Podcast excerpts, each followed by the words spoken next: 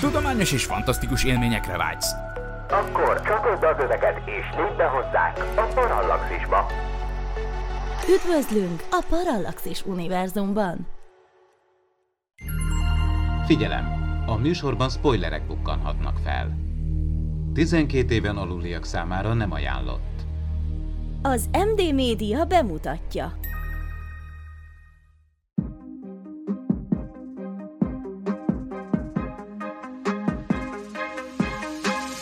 Tudományos és fantasztikus élmények Gézával, aki mérnök, Miklóssal, aki fizikus, és Ádámmal, aki nem. Ez itt a Parallaxis, az MD Média tudományos és fantasztikus podcastje. Sok szeretettel köszöntök mindenkit, ez itt a Parallaxis 77. része a mikrofonnál Horváth Ádám Tamás. Mai filmünkben egy lebilincselő kalandot vizsgálunk meg tudományos szempontból. Egy a Marson ragadt űrhajósról és a túlélési ösztönéiről. Ez a mentő expedíció, azaz Ridley Scott filmje, mert Démon főszereplésével Andy Weir a Marsi című műve alapján. A részben az amerikai halálvölgyben, Jordániában és Magyarországon forgatott moziról a tervezettől eltérően és Claudia beteg betegsége nyomán, akinek ezúton is kívánunk mielőbbi jobbulást. Ezúttal Pécsi Gézával beszélgetünk, aki jelenleg Franciaországban leledzik még hozzá Szent Ropéban, mint a csendőrök. Szia Géza, és köszönjük, hogy ilyen hirtelen be tudtál ugrani. Sziasztok! És természetesen Vince Miklóssal, az LKH ELTE elméleti fizikai kutatócsoportjának tudományos főmunkatársával. Szia Miki! Sziasztok! Mielőtt azonban belekezdenénk a mai műsorunkba, mint tudjátok, februárban leszünk öt évesek, a Parallaxis Univerzum születésnapját pedig új podcastek indításával ünnepeljük.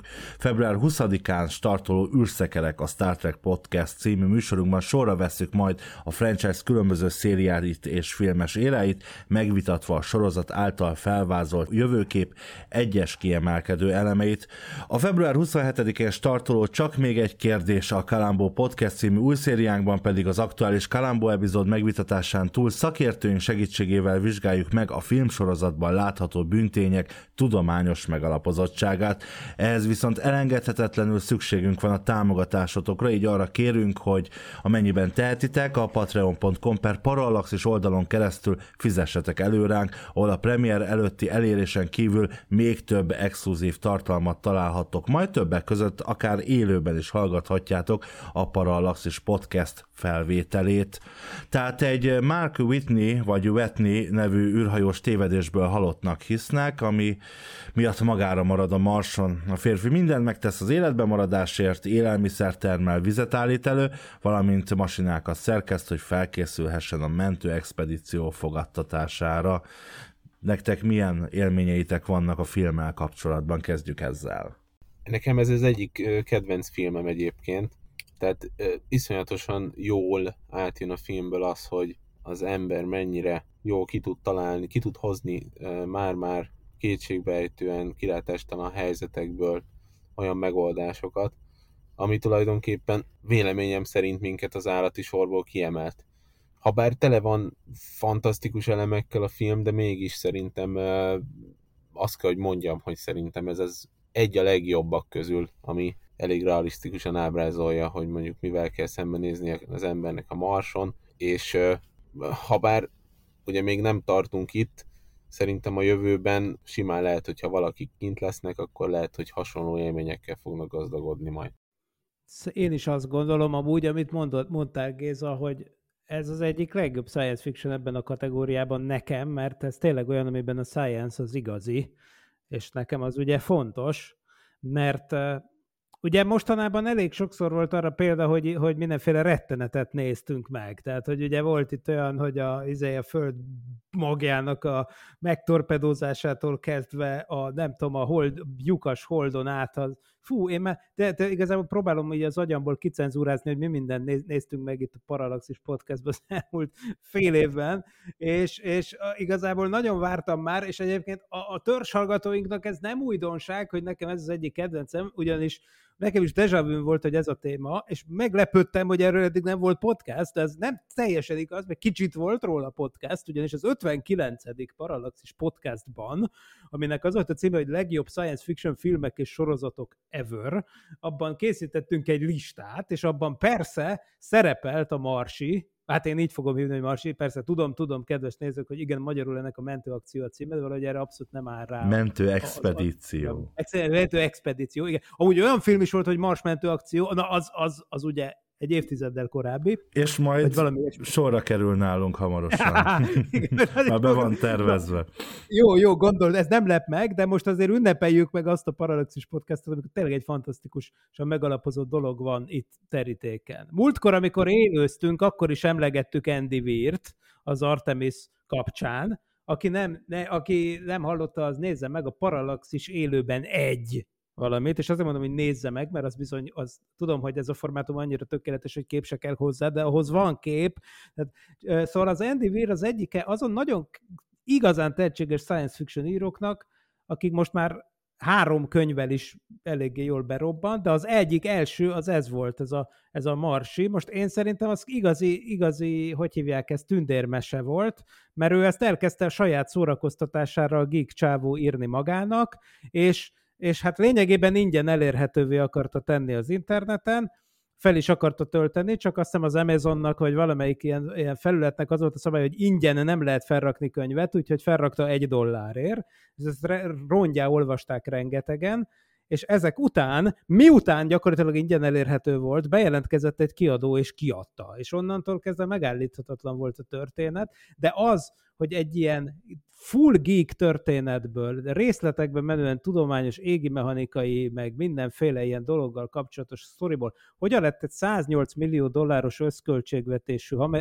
blockbuster, hollywoodi filmmel, Ridley scott meg Matt Damonnal, az az egy ritka sztori. De azért így is van benne elég sok uh, science, tehát uh, elég sok uh, hogyha azért követed a filmet, tehát na- nagyon sok minden, nekem az, azt tetszik, hogy a Matt Damon mindent így me- megalapozva mond, hogy ezt azért csináltam, mert hogy ezt csinálták, mit tudom én, mérnök hallgatók itt meg ott, de a- aki egy minimálisan nem érdeklődik mondjuk a műszaki dolgok iránt, annak szerintem egy kicsit ilyen túl, túl geek lehet ez a film. Tehát, hogy lehet, hogy a könyv az, az nagyon kocka volt, de azért a film is kockáknak van szerintem egy kicsit csinálva. Hát ugye, ha megnézitek, hogy ez a film ez igazából mikor játszódik, akkor természetesen ez valóban a 2030-as évek igazából egy kicsit még túl koránra is tervezi ez az egész a dolgot, hiszen ugye 2035-ben játszódik a film. Ez azt jelenti, hogy igazából ez egy kicsit túl optimista, tehát a jelenlegi tervek szerint ugye nem leszünk akkor még ott, de viszont ha ott akarnánk lenni, akkor már rég építeni kéne azokat az eszközöket, amik oda elvisznek minket. Tehát ugye, hogyha egy 2035-ös jövőt akar valaki megjeleníteni, akkor kénytelen a mostani technikát bemutatni, mert, mert ugye 15 év az bőven kell ahhoz, hogy egy ilyen izét, űrprogramot kifejlesztenek, sőt még több is. Ugye 2015-ben jelent meg a film, tehát 20 év, de most egyébként a kérdés az, hogy tudományosan mennyire realisztikus az egész, akkor először nézzük az alap problémáját ennek a történetnek, ami tényleg az, hogy ugye kitör egy porvihar a Marson, és ennek következtében úgy megrongálódik a bázis, hogy azt evakuálni kell, mert félő, hogy felborul az az űreszköz, amivel fel lehet szállni a marsról, és hogyha a felszálló egység felborul és tönkre megy, akkor az egész csapatot ragad a marson. És és ugye az van, hogy nézik, hogy hány csomó a szélerősség, és akkor onnantól kezdve, amikor ez átlép egy kritikus értéket, akkor a parancsnok kiadja a, az utasítást, hogy mindenki azonnal be, a, a, be az űrkomba, és gyorsan szálljanak fel a marsról, mert különben megsemmisülne.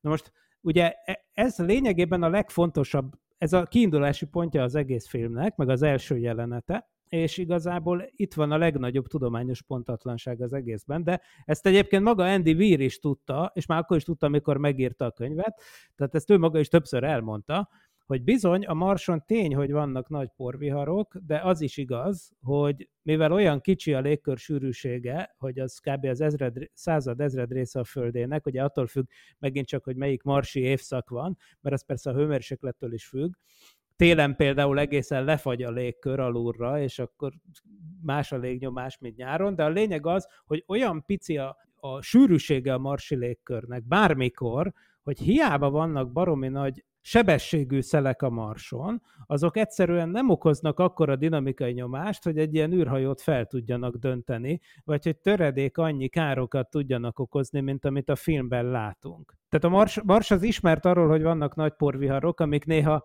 teljesen be, belepik porral az űrszondákat, mondjuk ilyesmik történnek, de, de az az alaphelyzet, hogy ez veszélyeztetné az űrhajót olyan értem, hogy fel tudna bármit borítani, az könnyen kiszámolható, hogy ez nem igaz. Jó, tehát hiába vannak több száz kilométer per órás szelek, olyan kicsi a sűrűség, hogy, hogy, hogy lényegében az nem elégséges az, hogy felborítson valamit. Ez, ez, ez egy probléma a filmben. És... Minden esetre ezt egyébként akár így el is engedheti a néző, még a tudományos néző is, hiszen alapjába véve ez egy ilyen könnyített felütés nyilván, ha Andy Weir, vagy a forgatókönyvíró, vagy, vagy bárki más esetleg egy ilyen komolyabb dolgot akart volna, ki, ki lehetett volna találni, hogy ott miért kell igen, evakuálni, igen. és tulajdonképpen ott lehet felejteni egy embert ugyanúgy, tehát, hogy ez egyébként e, e, e, talán elengedhető, viszont ha már e, ezt említetted, akkor van az a jelenet a film vége fele, amikor ugye a, a, a felszálló egységet elkezdi ugye lebontani a, a Mark, hogy, hogy ugye súlyt öm, csökkentsenek, és ott ugye amikor kifeszíti azt a nagy ponyvát a, a tetejére, akkor ott, ott, ott bizony elég erősen ö, ö, rángatja azt a szél, és ott nekem is eszembe jutott ez, amit, amit az imént említettél, hogy vajon lehet ekkora szél a Marson, aminek ekkora ereje van pontosabban, vagy dinamikus nyomása, hogy pontosak legyünk? Igen, ez egy nagyon jó kérdés, mert ott is a megjelenítés az tényleg ilyen, hogy húha, igen, azt a mindenit, én arra azt mondom, hogy nem lehet ekkora, de azért ne felejtsd felejtsük el, hogy ott ugye egy nagyon gyors felszállásról van szó, ami azért gyorsabb, mint a jellemző szélsebességek. Ugye természetesen a Marson, ugye az a sztori, amikor egy űrszondát leküldünk a Marsra, hogy a helyi hangsebességnél sokkal gyorsabban lép be a légkörbe, még akkor is gyorsabb a helyi hangsebességnél, amikor már a hőpajzsal lelassult, és akkor kinyílnak az ejtőernyők, ugye, és ejtőernyőkkel fékezik le az űrszondákat, amik leszállnak a Marsra, de ne felejtsük el, hogy azok szuperszonikus ejtőernyők, pont azért, mert akkor még úgymond akkora a menetszél, hogy annak tud lenni akkor a dinamikai nyomása. Tehát igen, az űrszondákat azért lehet ejtőernyőkkel lefékezni a Marson, mert van annak légköre, csak ahhoz aztán, hogy az jelentős fékező hatást váltson ki, ahhoz tényleg aztán rohadt gyorsan kell menni, konkrétan a helyi hangsebességnél gyorsabban. Na most a, a, a Marson sem fújnak a szelek a helyi hangsebességnél gyorsabban, úgyhogy ezért aztán a felszálláskor nem érzem azt akkora hülyeségnek, mint az alaphelyzetben. Alaphelyzetben, amikor... tehát amikor még csak ott igen. áll a, a sivatag közepén. Igen. igen, mert ugye ott tényleg az van, hogy amikor felszáll az űrhajó, és akkor például el kell neki érni a marsis szökési sebességét, ami azért több kilométer per másodperc, akkor el tudom képzelni, hogy van egy nagyon rövid szakasz, amikor már rohadt gyorsan meszel fölfele a cucc, de még eléggé alacsonyan van ahhoz, hogy a légkör sűrű relatíve. Aztán persze, ahogy mondják is a filmben, hogy igazából aztán le is szakadhat az a ponyva, nem kell foglalkozni az áramvonalasítással, hiszen a Mars légköre, és ezt már jól mondják a filmben és a könyvben is, elég, elég ritka ahhoz, hogy igazából kb.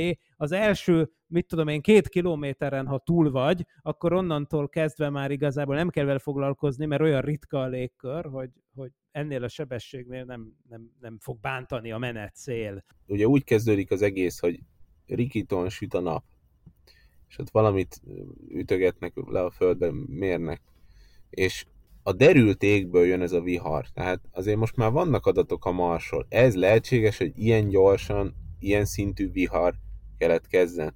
Ez elképzelhető egyébként, hogy derült égből jön egy ilyen vihar a Marson. Tehát ezt mondom, hogy bazi nagy porviharokat meg lehetett ott figyelni. De így a semmiből?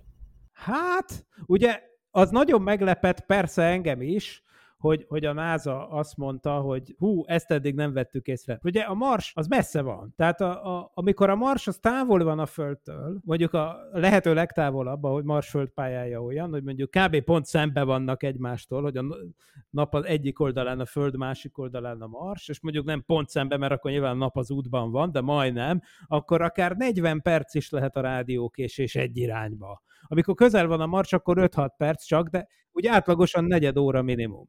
És akkor persze, az viszont simán lehet, ahogy ezt egyébként augusztus 20-án a Föld esetében is láttuk, simán, aminek ugye politikai következménye is lettek, simán lehet, hogy a Földön is egy-két órás időablakban irányt vált a cucc.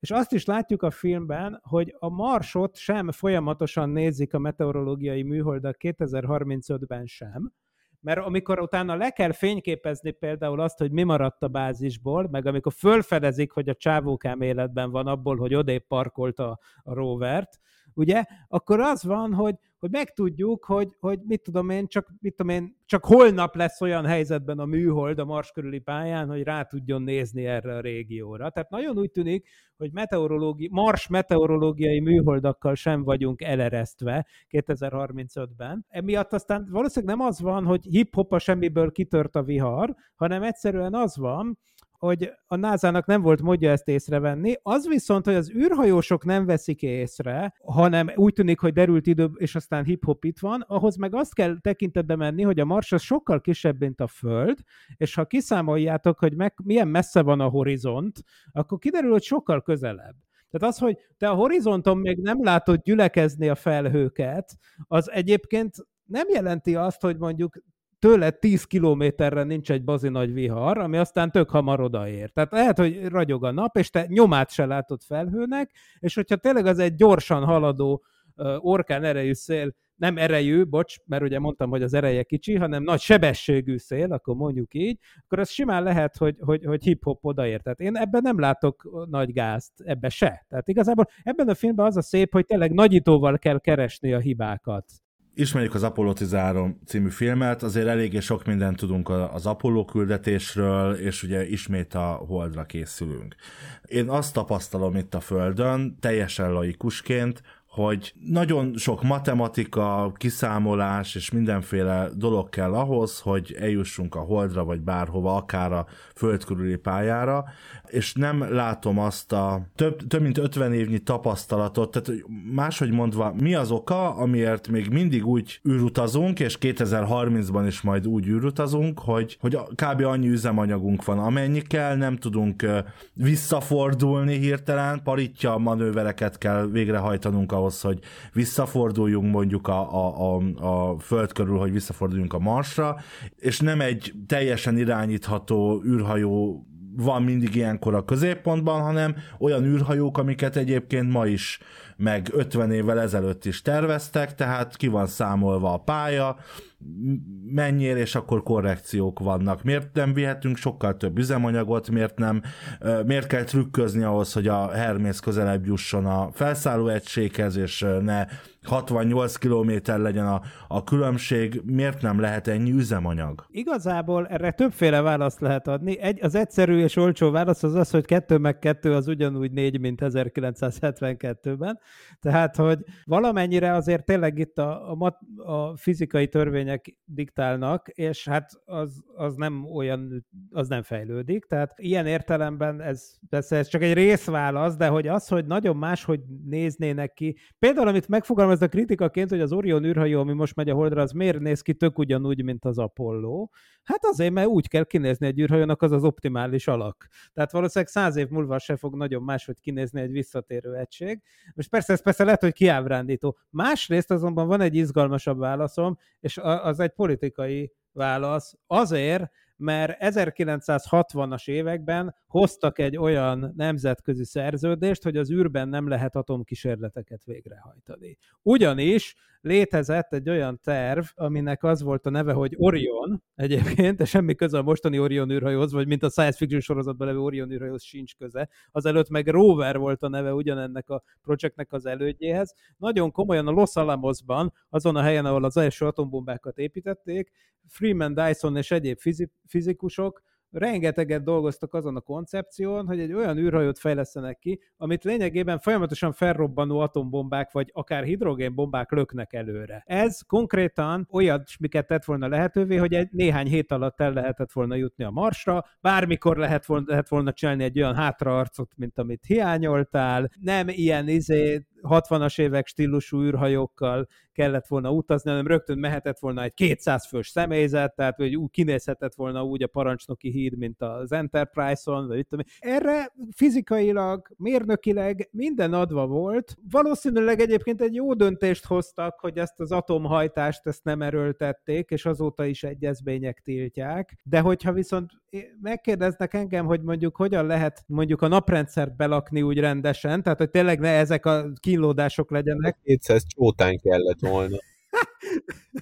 Igen, de, de nem biztos, hogy a sugárzás annyira durva egyébként, mert ugye itt egyrészt nyilván le kell árnyékolni ólommal az egészet, vagy valamivel, másrészt meg ugye, ugye lényeg az, hogy, hogy itt ezt így maga mögött tudná hagyni a, a robbanásokat. Tehát itt ez, ugye a robbanások löknék előre, tehát nem arról van szó itt, hogy, hogy magával vinni az űrhajó a, az, már olyat is lehetne csinálni amúgy, hogy egy atomreaktort viszünk magá, azzal sokkal gyorsabb rakétákat lehetne csinálni mostanában, és olyan kísérletek is voltak, és azok is tilosak jelenleg, de a legdurvább az ezért van, hogy lényegében kidobsz egy atombombát az űrhajó mögé, azért tisztes távolságba eltávolodsz, hogy ne menjen szét a kaszni, és akkor távirányításra felrobbantod a, a, a bombát, és annak a lökés hulláma lök téged előre. És ez, ez ki van számolva, ez igen, ez vákumban is működik, mielőtt valaki felhozná. Tulajdonképpen a rakéta technológia az most is körülbelül ugyanaz, mint von Braun igen, igen. kitalálták, és, és hát itt a filmen is gyakorlatilag ezt a technológiát. Filmre egyébként rányomja még a bélyegét, hogy még azelőtt írta meg az Andy Weir, hogy az Elon Muskék a SpaceX-el úgy igazán nagyon beindultak volna, tehát ő még tipikusan a 2000-es évek elejének a názás, hogyan menjünk a Marsra architektúrájából indult ki. Erről léteznek könyvek, van egy Robert Zubrin nevű fickó, aki már a 80-as években tök jól megírta, hogy hogy kell elmenni a Marsra, és tök ugyanolyan lakóegységek és roverek szerepelnek a, a Case for Mars című legendás könyvében, mint amiket ebben a filmben látunk. Tehát az Andy Weir ezt a könyvet egyszerűen levette a polcról, és beleírta a, a regényébe.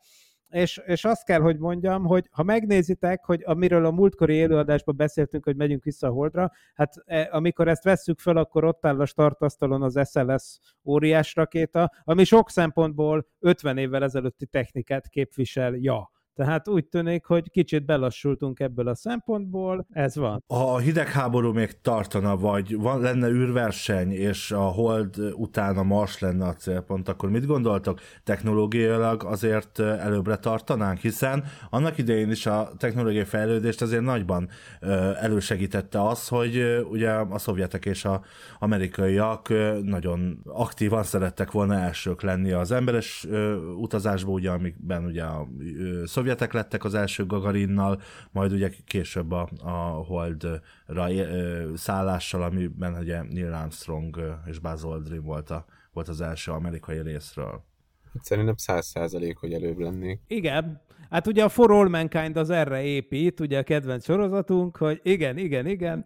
Általában az a szörnyű igazság, borzasztó kimondani, főleg, hogy egy háborúban vagyunk most éppen itt benne Európában. Már úgy vagyunk benne, hogy hát ezen a kontinensen zajlik, tehát mindenki benne van valamilyen módon. A háború az az egyik legeslegnagyobb ösztönzője a technikai fejlődésnek, ha tetszik, ha nem. Hát az emberiség történetében mindig a nagy heuréka pillanatok azok szépek, de valójában mindig háborúról háborúra haladt előre. A nagy technológiai ugrások szerintem szinte minden esetben. Hát meg ugye a nagy, nagy telekommunikációs ugrások is, tehát az internet, az összes ilyen hírszerzések, akkor ugye amikor volt az egyik szokolébresztő műsor, amit pont arról beszéltél, hogy ugye a a nagy űrtávcsövek is, hogyha mondjuk nem a Föld felé lennének irányítva, akkor lehet, hogy gazdagabbak lennénk tudományos szempontból. Ugye a Hubble űrtávcső 1990 óta van fönt, amit most említett a Géza.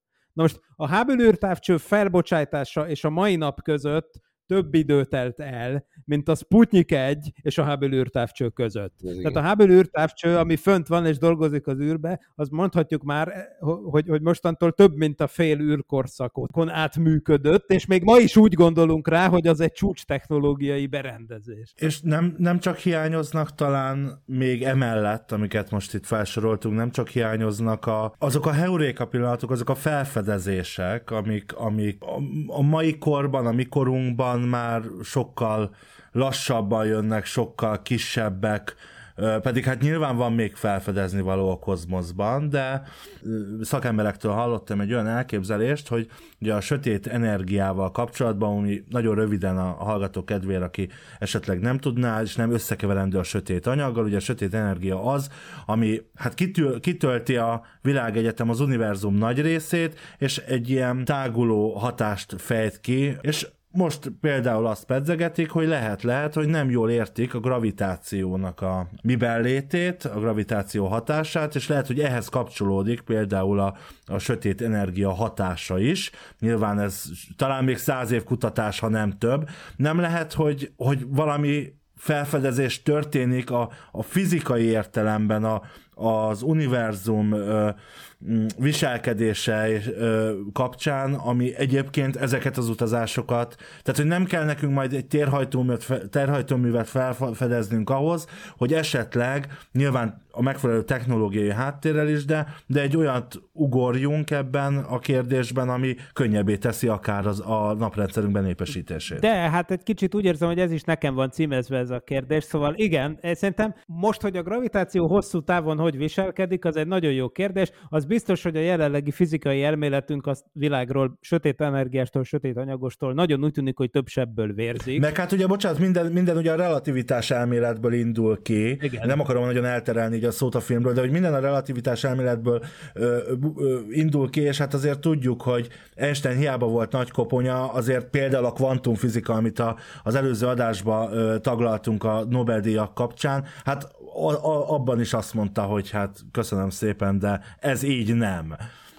Jó, most amúgy lehet, hogy abban is igaza volt. Tehát ugye a kvantummechanikában sincs még minden lezárva, de viszont az van, hogy, hogy az Einstein az tök jó példa, mert relativitás emelet, ja. Tehát amikor 1905-ben az Einstein azt mondta, hogy egyenlő MC négyzet, ugye, abból lett például, hogy más nem mondjunk, a, ebben az adásban már emlegetett atombomba. Korábban el se tudta képzelni az ember, hogy ekkora energiát föl lehet szabadítani bármilyen módon. Tehát igen, most az benne van a pakliban, valami, és, mi, és az Einstein is mind kezdett el gondolkozni. Rohadtul nem azon kezdett gondolkozni, hogy hogy lehetne egy rohadt nagyot robbantani, hanem azon kezdett el gondolkozni, hogy hogy van az, hogy az egymáshoz képest ilyen meg ilyen sebességgel mozgó megfigyelők is ugyanannyinak mérik a fénysebességét, holott az egyik a fényjel szembe repül, a másik meg a fényjel elfele, azt mégis mind a kettő ugyanazt méri fénysebességnek. Hogy a túróba lehet ez? Tehát valami tök abstrakt, távoli dologgal kezdett el gondolkozni, amiről nyilvánvaló volt, hogy semmi gyakorlati alkalmazása nincs, mert tulajdonképpen úgy tűnhetett, hogy egy szellemi, hogy mondjam, maszturbáció az egész, és akkor, és akkor egyébként meg 40 évvel később meg felrobbant az atombomba. És, és nem csak a bomba, ugye? Meg utána a hidrogénbomba. És utána a hidrogénbomba. Meg ugye igen. még az antianyag dolog, ami meg a másik. Ja, és ez mind az, igen, és aztán sok-sok ezer, ezernyi következménye van a relativitás elméletnek, csak az, hogy igen, tehát az tök igaza van az Ádámnak, hogy valamilyen kis nüansznyi baromsággal elkezdenek a fizikusok, vagy akárki agyalni, hogy igen, hogy lehet kiküszöbölni ezt az aprócska problémát, hogy rövésünk sincs, hogy miből áll az univerzumnak a nagy része. Nyilván valami nem stimmel a modellben, de amúgy meg úgy néz ki, hogy a modellek tök jól működnek, de hát ez mégse stimmel, tehát nyilvánvaló, hogy van valami ellenmondás. Lehet, hogy valami olyan kis nüansz van, amire utalsz, hogy mit tudom én, a gravitációs törvény mégse úgy van, hanem mondjuk bazinagy távolságra máshogy viselkedik, és akkor ezt eddig nem lehetett észrevenni. És akkor lehet, hogy ezt egy olyan pici effektus okozza, ami eredményez valami olyan brutális technológiai előrelépést, mint az atomkorszak. Tehát igen, ez, ez sima, simán benne van, az, az, ezt meg kéne írni. Most az Andy Weir nem csinált ilyet, tehát igazad van, az Andy Weir nem engedte el annyira a fantáziáját, ő inkább tényleg azt akarta csinálni, hogy neki kb. tetszett az a jelenet az Apollo 13-ban, amikor a mindenféle kacatból összeszerelnek egy széndiokszid szűrőt, és mondta, hogy hm, milyen jó lenne ebből írni egy 300 oldalas regényt, megcsinálni egy két órás filmet, hogy az egész ilyen. Tehát, és lényegben ez történt, tehát igen, igen. Tehát aki térhajtóművre, meg e, ilyen izé, fizikán túli dolgokra vágyik, az, az ilyen szempontból biztos csalódik. De reménykednünk kell, hogy lesz valami előretörés. Azért lett ekkora siker ez a film, mert nem olyan hanem mert mm. reális. Ja, ja, mert más célközönséghez szól, valószínűleg. Igen, mert mondjuk már 2100-ba játszódna, akkor ott ki lehetne találni néhány olyan dolgot, ami, ami nagyon fi a, a szájhoz képest, és akkor ebben teljesen egyetértek veletek. Még itt a szünet előtt beszélgessünk már arról, ami szerintem nagyon feltűnő a filmben, ahogy Miklós is írt, ez egy, vagy mondta, ez egy 2015-ös film, amit még korábban írtak, mert hogy nem voltak benne oroszok. Amikor probléma volt, a kínaiak segítettek. Jó, de ez, ez úgy realisztikus, tehát ha megnézitek azért most is, tehát igazából most jelenleg azt kell, hogy mondjuk, hogy ha tetszik, ha nem, azért a kínaiak sokkal nagyobb kutyák jelenleg az űrben, mint az oroszok már. Tehát nézzétek meg, milyen csuda űrállomást építettek. Tehát szerintem ezt azért 2015-ben is lehetett így gondolni, és most is lehetett így, lehet így gondolni. Egyszerűen a kínaiak megvették az oroszoktól azt a tudást, amit meg lehetett venni, és a Szovjetunió felbomlása után mindent meg lehetett venni. Mindent. Nyugati valutáért bármit meg lehetett venni. Kínaiak azzal indítottak, hogy rögtön elmentek és vásároltak két űrhajót, csak úgy, szétszerelni otthon, megnézni, miből van a ruszkiktól. Oda küldtek ki két kínai űrhajóst Csillagvárosba, az orosz űrhajós kiképző központba, hogy készítsék föl, de nem azért, mint mi a farkas Bercit, hogy az oroszokkal repkedjen, hanem azért, hogy jegyzeteket készítsenek, és hogy megnézzék, hogy hogy kell ezt csinálni. Aztán hazavitték a tudást. Szóval a kínaiak megtanulták a ruszkiktól szerintem mindent, amit lehet, és viszont az oroszok nem tudnak versenyezni azzal a pénz mennyiséggel, ami a kínaiaknak megvan. Tehát szerintem egy tök jó jóslat, hogy 2035-re ez egy Amerika versus Kína verseny verseny lesz. Nekünk sajnos nincs annyi pénzünk, mint a kínaiaknak, nem tudunk jól bevásárolni, úgyhogy szükségünk van a támogatásotokra, egy rövid szünet után folytatjuk a műsort. Ha hozzánk hasonlóan neked is szenvedélyed a tudomány és a fantasztikum, és szívesen lépsz be a Parallaxis univerzumba, arra kérünk, hogy legyél a támogatónk és segíts te is az ismeretterjesztést. Látogass el a patreon.com per Parallaxis címre, ahol a különleges tartalmak mellett már akár napokkal korábban hallgathatod a Parallaxis podcast legújabb részét. patreon.com per Parallaxis.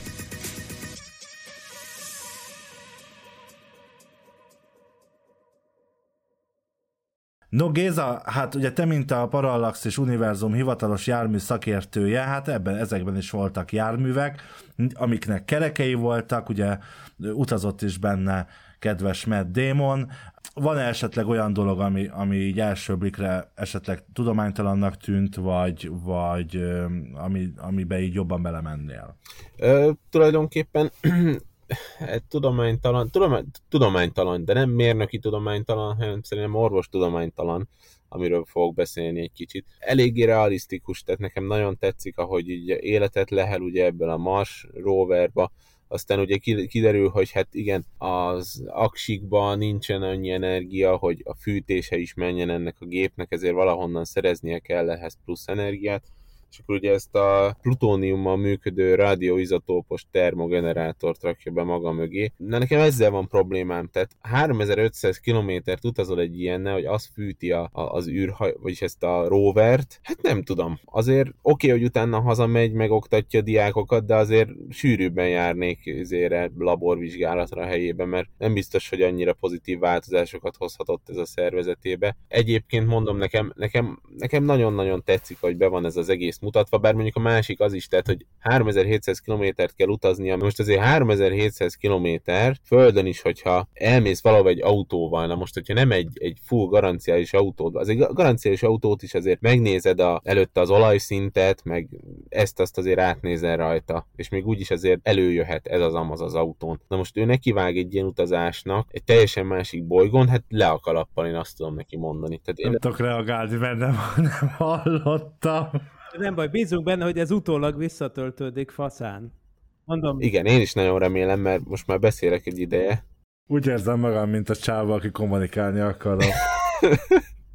Igen, tehát most gondoljuk el, hogy én, én nem jöttem el a Marsra, itt vagyok Szantropéba, de így is ilyen bonyolult beszélgetni egymással, és amúgy mobilnetről vagyok, hát mi lenne, hogyha a Marson még el kéne vezetnem 3700 kilométert ma valahova? Hát én nem tudom, hogy ezt megcsinálom. Főleg úgy, hogy mögöttem van egy plutóniummal működő radioizotópos termogenerátor.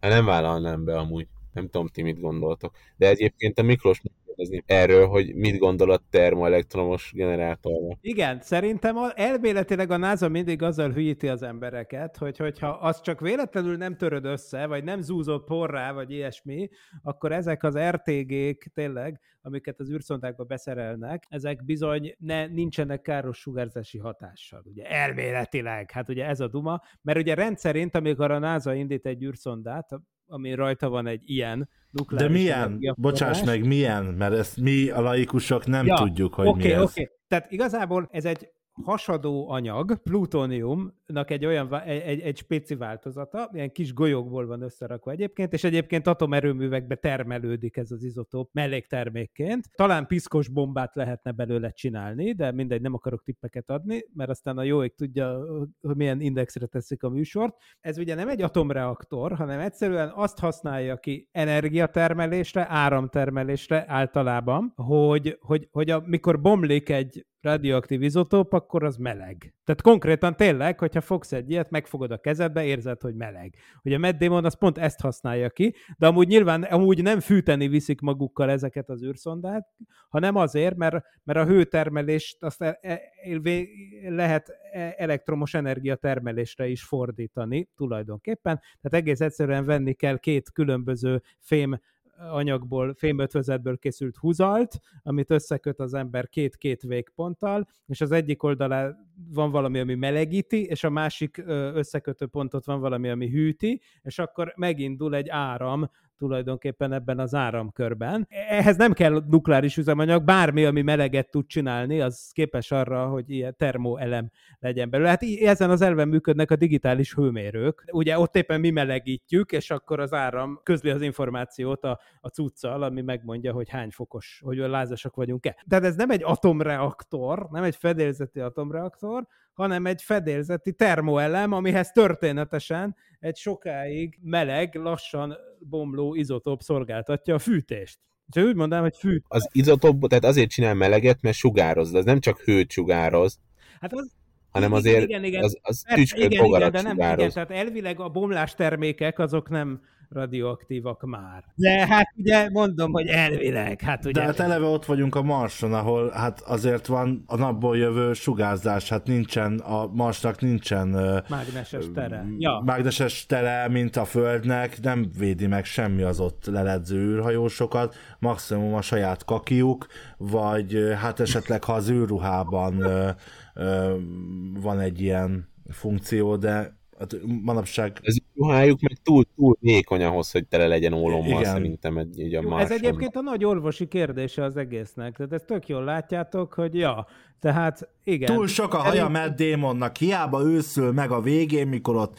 ücsörög a, a központban, hát nem csak megőszülnie, hanem a hajának is kellett volna akkor ezek Jó, hát szerint. figyelj, 2035-re azért már nagyon jó hajbeültetések lesznek. Tehát ezt azért, ezt azért el lehet. Még ugye, hogyha megnézi valaki ugye a Csernobyl sorozatot, ott azért, amikor így valaki közvetlen kiteszi magát a, a sugárzásnak, azért abból eléggé drasztikus következmények lesznek, az elég jobban mutatja. Na jó, de azért az, az, az azért nem ugyanakkor erejű sugárzás, mint azért itt Jó, é, beszélünk, persze, érthető, jó, jó, érthető. Tehát Csak ugye- ez azt gondolom, hogy szerintem a szakember itt lenne, akkor körülbelül azt mondaná erre, ez az én tippem, de aztán, ha van olyan hallgatunk, aki ért hozzá, nyugodtan cáfoljon meg, hogy körülbelül ez egy ilyen mikrohullámos ütő, vagy egy tévének a sugárzásának a megfelelő sugárzás lehet ez szerintem. Bár azt támasztja alá, amit Géza is mondott, hogy ugye ez el van ásva valahova, és még így magába beszél a,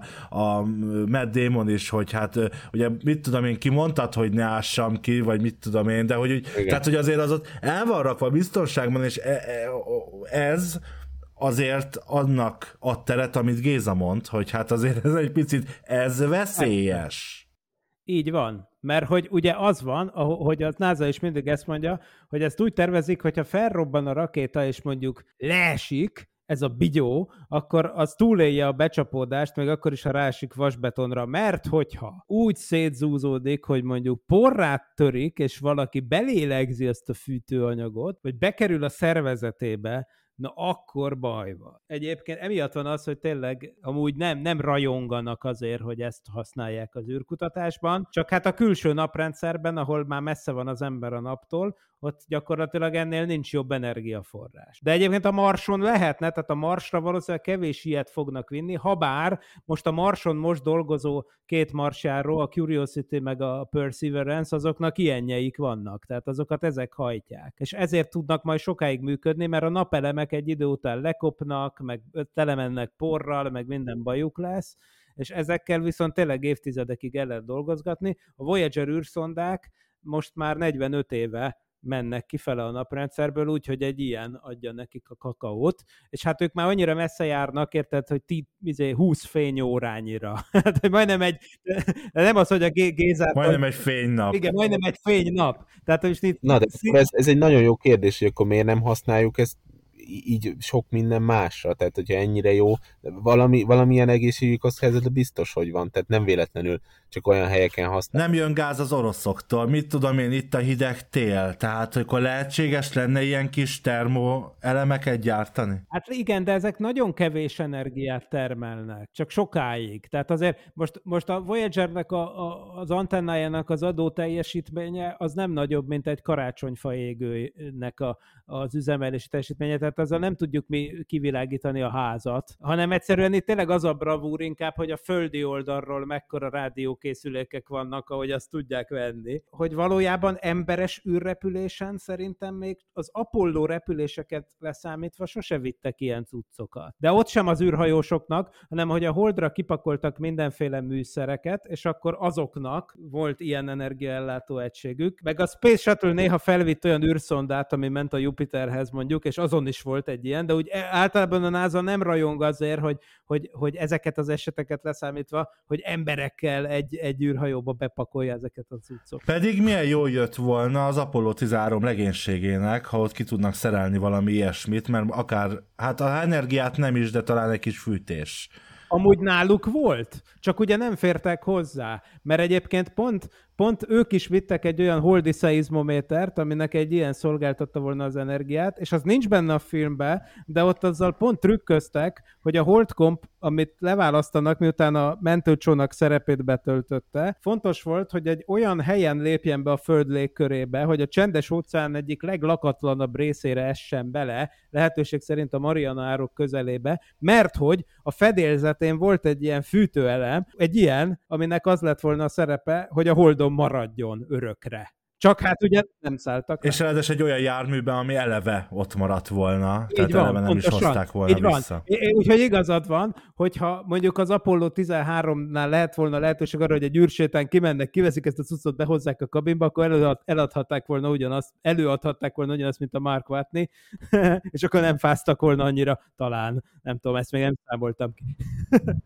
Viszont egy másik dolog, ami nagyon tetszik a filmben, az amikor ugye túlnyomás lesz, és akkor fölrobban neki ez a sátor, ahol a, ahol a krumplik vannak, és akkor utána szigetelő szalaggal ragassza meg. Ez iszonyatosan jó, tehát a sziget, ez, ez bizonyítja a szigetelő szalagnak a zsenialitását. Tehát az, az az szerintem, amit feltalált az emberiség, és kb. annyit ér, mint a tűz. Egy igazi mérnöki hozzá. De hát, és te, teljesen igaza van. Hát még a, még a sisakját is azzal ragasztja meg. Minden, minden. Tehát komolyan mondom, engem annyiszor mentett már ki a szigetelő szalag az életbe, hogy én arra esküszöm, komolyan mondom. Figyelj, minden Forma egy rajongó tudja, hogy ezen világbajnokságok dőlnek a szigetelő szallagon, tehát... Szóval uh, iszonyatosan jó, és ez is, ez is így a realitásán dob a filmnek, hogy ott vagy egy teljesen másik planétán, és szikszalaggal fogod megoldani, mert mi mással. Ugye van erre egy, egy nagyon jó ilyen, hát vicces történetem, amikor ugye volt az Apollo program, és nem tudom ebből mennyi igaz, de hogy az amerikaiak több évet szántak arra, hogy kifejleszék a, a súlytalanságban is működő golyós tollat, míg a szovjetek meg írtak grafitceruzával ebben csak annyi a baj, hogy persze egyébként igaz, hogy az amerikaiak igaz nem a NASA, hanem egy magáncég, az tényleg sok pénzt költött arra, de azért a ceruza az elég gáz a súlytalanságban, mert a grafit szemcsék össze-vissza lebegnek, és az nagyon irritálja a bőrt. És amúgy ezt, ezt a oroszok is, je, is jelezték ezt a dolgot, ah. és aztán szégyen szemre ők is elkezdtek vásárolni az amerikai cég által gyártott nagynyomású űrben is használatos golyóstolból. Tehát jól, jól hangzik a szöveg, de, ja. de azért a szigetelő szalag érdemeit ez nem csorbítja. igen, igen. Azért, ha látunk egy űrhajót, mai modern űrhajót is, akkor abban azért nincsenek érintőképernyők, hanem gombok vannak, nem véletlenül. Azért alapjába véve veszélyes, vagy inkább kényelmetlen dolog azért mondjuk űrutazásokhoz tervezni érintőképernyőt, például akár a Hermészen ki tudja, mondjuk meg, megszűnik a, a gravitá, mesterséges gravitáció, mi történik akkor? Azért ez egy nyilván egy látvány, egy produkciós dizájn kérdése, de ha már a tudományosságról és a tudománytalanságról itt beszéltünk a film kapcsán, nekem ez egy nagyon-nagyon picit azért olyan volt, hogy meg olyan nagyon egyszerűen szétkapta a, a, azt a felszálló egységet is ott a Matt Damon. És aztán ott közben meg azt simán szétszedi néhány csavarhúzóval a srác, és ott, és ott kidobálja, és le, leveszi a tetejéről azt a kupolát, ami nem zúzott össze semmit, hanem... Tehát űrhajókról beszélünk, hát csomószor, hogy nem tudom hány milliméter választ el a vákumtól, az űrtől. Itt ez, ez, ezek az űrhajók miből vannak, hogy, hogy nem törnek össze? És, és lehet őket így legózni. Ez, ez a fiction az egészben, hogy, hogy szerintem így, így nem lehetne szétszedni űrhajót. Hát űrhajója válogatja. Ugye emlékeztek arra, amikor a ruszkik bemutatták tavaly előtt előtt, hogy, hogy ki akarták deríteni, hogy ki, kiukasztottak ki az űrhajót. Emlékeztek Igen. arra a jelenetre? És akkor kiment, kiment a, a, az orosz űrhajós barátunk ott űrsétán kívülről, és, és ott, ott a rá, izé, emlékezetes pillanatok, ahogy ott a vadászkéssel, vagy a, mi a túró valamit kiszedtek a túlélőkészletből, ott metélte le az űrhajó külső burkolatát, és így ment minden irányba a tömítő anyag, és hogy ez, ez, ez, az űrkorszak történetének egyik legdöbbenetesebb videója volt ez. Szóval igen, de egyébként az űrhajók úgy vannak tervezve szerintem, hogy vannak olyan szempontok, amikből baromi erősek, és más szempontból meg néha pont meglepően könnyűek, mert viszont nem idióta biztosra vannak tervezve. Tehát, hogy néha tényleg csak egy milliméternyire van az űr, és tényleg, tehát például az Apollo Hold Comp az nevezetes volt arról, hogy lényegében ö, olyan vékony volt néhány helyen, mint a papírlap, ami konkrétan azt jelentette, hogy egyszer egy csávó, egy szerelő elejtett egy villáskulcsot benne, és, és, és kiszakadt és kijött az alján. Tehát, hogy, hogy hogy, hogy, hogy ugye azért nem, nem ültetnek be akárkit egy ilyen űrhajóba. Bizonyos szempontból baromira strapabírok, másfelől meg tökre el lehet képzelni, hogy az űrhajós az tudja, hogy hogy nem szabad kiukasztani a falat, de amúgy az nem is olyan bonyolult kiukasztani a falat, hogyha az ember jó irányból nyúl hozzá. Melyik volt számotokra a legtudománytalanabb pillanata a filmnek? Amikor maga mögé rakta ezt a plutóniummal működő uh, radioizotópos termogenerátort. Uh, egyrészt meg a másik, amikor ugye visszaérne, hát ez a klasszikus, hogy azért legyen a filmben valami kis izgi, hogy épp, hogy pont elkapja, és akkor vissza elkapja a csajszi kezét, vagy hogy történik, és akkor, és akkor úgy tud visszatérni a másikra, de ezek, ezeket annyira ilyen egyáltalán nem illik a filmbe szerintem az jelenet, ezt ki kellett volna És annyira jó, hogy mondod, mert tényleg azt az Andy Weir nem írta bele. Tehát, hogy a, ha megnézitek a könyvet, és én is azt mondtam volna a legtudománytalanabbnak, mert a szélsebességes dolgot már mondtam, de, de az Andy Weir az azt írta, hogy ugyan a, a, a hogy hívják, a Mark Watney-nak eszébe jut ugyanez az ötlet, hogy mennyire lenne, menő lenne úgy repülni, mint Iron Man, vagy mit tudom én kicsoda. Ugyanakkor a, a könyvben végül ezt nem teszi meg, hanem ez csak a, az inspiráció ahhoz, hogy végül az űrhajót begyorsítsák azzal, hogy csinálnak egy bombát, és pff, és azzal adja meg a plusz hiányzó löketet, ami a filmben is benne van, de a könyv... Lassítanak vele, nem? De, de, persze igazad van, tehát lassítanak, tehát lassítani kell, hogy el tudják kapni a Mark de a lényeg az, hogy a sebességkülönbséget csökkentsék, a marshoz képesti sebességet is csökkentsék, tehát a lényeg, hogy ez egy plusz fékező hatáshoz kell a, izé, a robbantás, és hogy a könyvben csak úgy szerepel, hogy a Mark Watney mondja, hogy hát ez tök jó lenne, hogy kiszúrnám az űrruhát, és akkor ezt a parancsnok ebből találja ki ezt az ötletet, hogy hogy az űrhajóval ezt meg lehetne csinálni. Viszont a könyvben nem csinálja meg ezt ténylegesen, hogy az űrruhát kiszúrja, és akkor pff, a teljesen kontrollálatlan null kiáramló gázsugárral rakétaként manőverezi oda magát, mert az természetesen egyenlő az öngyilkossággal, és tényleg nem tudni, és nem úgy repülne, mint a vasember, hanem össze-vissza pörögne, forogna, és kész. Tehát ez kizárt dolog. Tehát igen, ez tényleg idegen a filmtől, ez tök jól beérezte a Géza, mert ez a könyvben nincs is így benne. És ez igen, ezek szerint ez ki is ütközik, hogy ez egy kicsit ez az, amikor már a filmesek nem veszik magukat eléggé komolyan, vagy nem volt eléggé bombasztikus az áró jelenet. Meg kellett az a katartikus jelenet, mert végig azon gondolkodtam, már nem nagyon emlékeztem a film végére, és amikor néztem most újra, azon gondolkodtam, körülbelül amikor odaér a felszálló egységhez, hogy milyen probléma adódhat még, még van 35 perc a filmből, milyen probléma adódhat még, ami azért a néző számára egy izgalmi katarzist okoz, hiszen ugye a filmben úgy van ábrázolva, hogy nagyjából ugye élőben közvetítik, ott látjuk a Times Square-en is állnak, meg a kínai űrközpont előtt, ami a MIPA, de hogy ott is állnak, meg ugye, hogy így nézik az emberek is izgulnak, és ott halljuk a kommunikációt, amit a, a Hermész folytat Matt Damonnal, amit úgy látunk, mintha akkor történne, de hát ott, ott mindenki csak néző, hiszen el is hangzik, ha ott bármi történik, az űrhajó, vagy a, a, a, az action során, a, a felszállás és, a, és az elkapás során a földi irányító központ teljesen tanástalan, mert mire megkapják a választ egy kérdésre, addigra már 24 perc eltelik. Ugyanígy érzem magam itt is, ahogy most beszélek.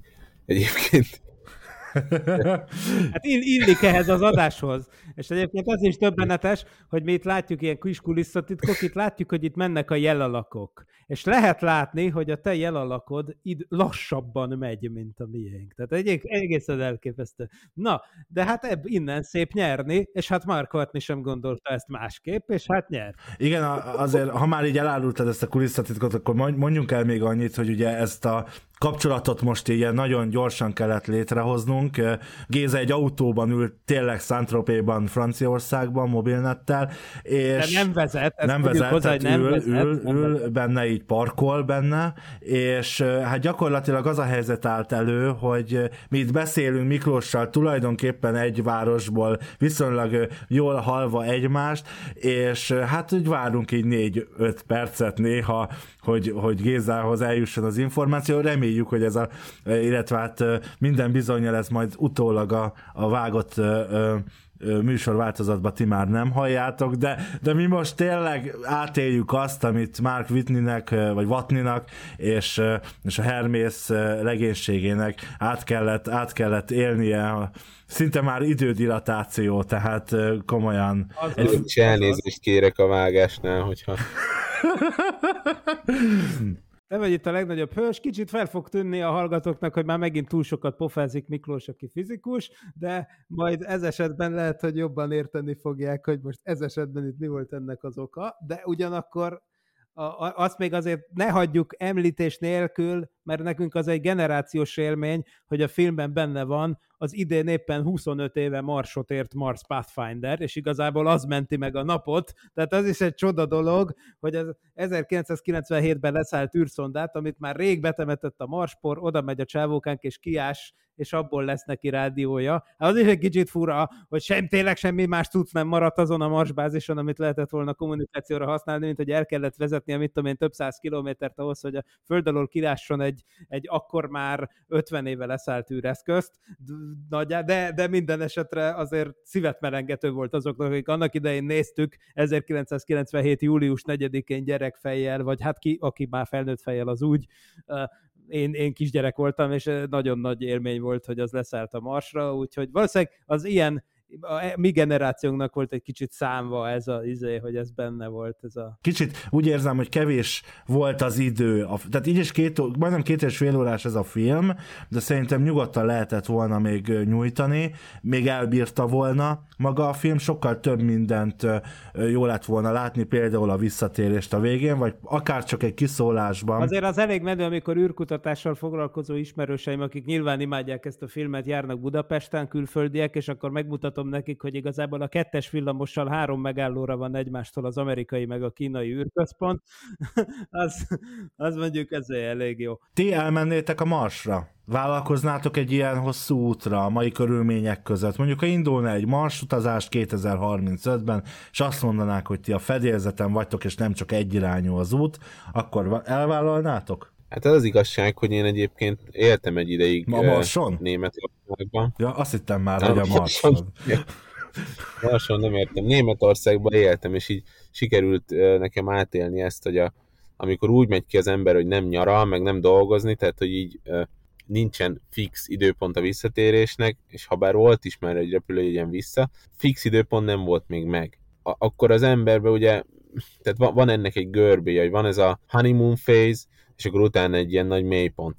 És szerintem, hogyha ez egy ez még a Földön belül is megvan az emberben elég keményen, ISS-en levőknek még jobban, és aki egy másik planétára megy, szerintem ez lehet, hogy olyan szintű pszichológiai mélységekbe taszíthatja az embert, hogy mondjuk felmerülhetne, olyan betegségek jöhetnek elő, amikre egyébként nem is lehetne kivizsgálni az ember, csak mondjuk hajlama van. Ha valaki azt is mondja, hogy persze szeretnék menni, ez, ezt, ezt egy ember nem tudja szerintem eldönteni, mert nem tudod, hogy milyen ott. Nem, sok mindenre lehet azt mondani, hogy mennék, de lehet, hogy mégsem tudna a szervezeten menni. Nem tudom, értitek, amit Aha, mondok. De ezt pár éve ki is próbálták, hogy, hogy valakik valahol eltöltöttek annyi időt, talán Oroszországban, a, amennyi a, a marsutazásnak a, Az, az időpontja. fel, igen. Az a Mars 500 nevű program volt, és azt hiszem 500 napot voltak benne, de egyébként Amerikában is van több helyen is ilyen Mars analóg bázis, magyarok is mentek oda, Keresztúri Ákos is, meg má- mások is szerintem volt, voltak ott voltak ott magyarok ö, olyan ö, projektekben, amik konkrétan azt vizsgálja, hogy egy ilyen tök, tök így kinéző marsbázis, az ott van a, a sivatag közepén, és akkor akár egy évet vagy két évet, hát talán kettőt nem, de fél évet, egy évet simán vannak ott emberek, meg ugye az antarktiszi bázisokon is folyamatosan. de az emberek. mégis itt van. Igazából Más. más. Ez a mi más, bolygónk, más, ez a mi tudom, otthonunk. Tudom. Én, én semmi pénzért nem mennék. Én semmi pénzért nem mennék.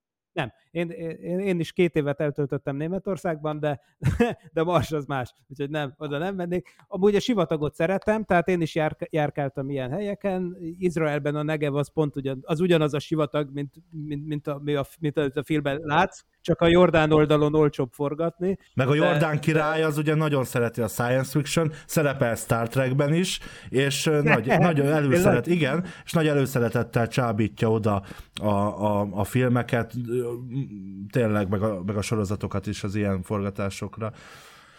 Én elmennék, komolyan.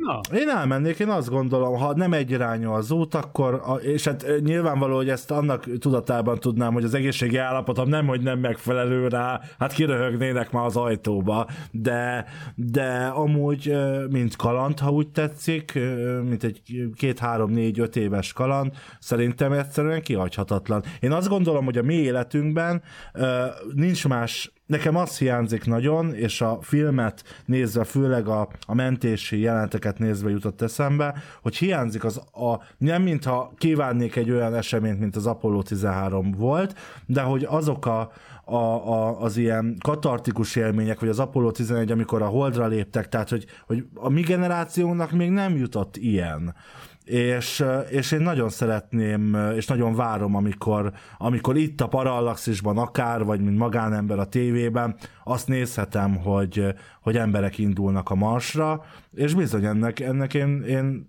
nagyon szívesen lennék részese. Nyilván semmi hasznomat nem vennék. Anna, amikor holdra lépés volt, ez egy iszonyatosan nagy dolog volt. Lehet, hogyha most már történne egy ilyen, jó, persze nagy dolog, oké, okay, hogy mondjam már, annyi, annyi ilyen fékelés van mindenhol, nem, nem tudom, hogy ez, ez azt hozná, amire te gondolsz, tehát, hogy lenne egy ilyen katartikus élmény a világon Nyilván belőle. nem lenne már ugyanaz, ebbe, ebbe igen egyetértek, nem lenne De már ugyanaz. tudod, hogy igazi. Tehát, hogy 1969-ben is igaz volt, hogy a Stanley Kubrick által megrendezett 2001 Ürödisszaja jobban nézett ki, mint az a szutyok minőségű tévé közvetítés, amit az Apollo 11 mutatott. Most értem, hogy most minden jobb, de már akkor is igaz volt, hogy a science fiction az látványosabb volt, mint amit a tévében láttál, hanem a lényeg az volt, hogy az valódi, hogy azt tudod, hogy az- ez most történik, és ez, ezt az élményt ezt nem tudja más megadni. De hát a Holdra szállást azt nem Kubrick rendezte? De, De amúgy nem is volt hordaszállás, hát ez az. meg a Balaton sincs. De tudjátok, hogy az hogy volt? De ezt már megbeszéltük szerintem egyszer. Hogy a, ugye, hogy a Kubrick rendezte a holdra szállást, de maximalista volt, úgyhogy a helyszínen akart forgatni. A, a, a, ugye a Mars kisebb, mint a Föld, de hogy a gravitáció megjelenítése, Arra nem, az nem foglalkoztak a filmben, mert egyébként az harmad akkora, mint a Földé, kicsit több, mint harmad akkora. tehát nem lehetne ugrálni úgy, mint a Holdon, de nem azért... lehet úgy ugrálni, mint a Holdon, azért nagyobbakat lehet ugrani, de hát mondjuk nem, nem tűnik teljesen valótlannak ettől. Tehát, hogy, hogy végül is, mivel hogy eleve tudod, hogy egy űrruha van a barátunkon, ezért aztán nem tudod, milyen nehéz, ami a hátán van, tehát lehet, hogy az úgy... Meg hát egyébként, és visszacsatolva az előzőre, és hát egyébként ugye Tom Cruise is most a nemzetközi űrállomáson forgat hamarosan egy filmet, várom azt, amikor mondjuk a Marsit leforgatják majd a Marson. Lehet, hogy lesznek egy ilyen rebootja mondjuk 2130-ban, vagy nem tudom. Nem tudom. Na jó van, van még, maradt még bennetek valami a filmmel kapcsolatban? Én bennem csak annyi, hogy, hogy hangsúlyozzuk ki, hogy ez egy jó film, és aki valahogy ugye egy kő alatt élt, hogy nem nézte, és valami miatt mégis valami perverz gondolattól indíthatva mégis meghallgatta a róla szóló spoilerekkel teletűztelt podcastunkat, akkor viszont mindenképpen nézze meg, és szerintem igen, tehát ennél rosszabban is el lehet tölteni két és fél órát, vagy mennyi, tehát igen, igen. Ez egy jó film. Egy százszerzékig egyetértve veled, sajnos szerintem mind az eredeti címe, mint pedig a magyar címe nagyon nagy melléfogás. Milyen cím van, lenne ötletetek egyébként? Új rovatot nyitunk a Parallaxis Podcastben, mint a Bolygó neve című Facebook csoport, tehát nevezzük el a filmet jól. Géza. The Extraterrestrial Botanist és akkor a, a földön kívüli botanikus. Bárkinek jó ötlete van, hogy hogyan kéne elnevezni a marsit, lehet benne szó krumpliról, vörösbolygóról, mit tudom én. Ársapka a marson. Ársapka a mars. Ne, borzasztó. Na, jó van, a csúcson kell abba hagyni, uraim. De a kedves hallgatók írják meg, hogy hogy, hogy a túróba kéne elnevezni ezt a filmet, ami sokkal jobb, mint a bármelyik nelvű címe. Műsorunk végén pedig más nem maradt hátra, mint hogy ismételten arra kérjelek titeket, hogy amennyiben módotokban áll, fizetesetek elő Patreon oldalunkon keresztül, mert mennyivel egyszerűbb lenne, ha mi is ott lennénk most Franciaországba, és akkor ott helyben megcsinálhatnánk ezt a podcastet, illetve, hogy a december 8-án megjelenő következő adásunkban az 1968-as a majmok bolygójáról beszélgetünk majd, és az adásban vendégünk lesz Avi Lőb, a Harvard Egyetem csillagászati tanszékének vezetője is. Na, véget ért ez a kicsit uh, uh, széteső műsor, uh, köszönjük a figyelmet, köszi Pécsi Gézának nagyon, hogy beugrottál, és a te és Vince Miklós és valamennyi munkatársam nevében köszönöm a megtisztelő figyelmet, további kellemes podcast hallgatást kívánok, és ne felejtjétek, ez a formátum annyira tökéletes, hogy burgonya sem kell hozzá. Sziasztok! Sziasztok!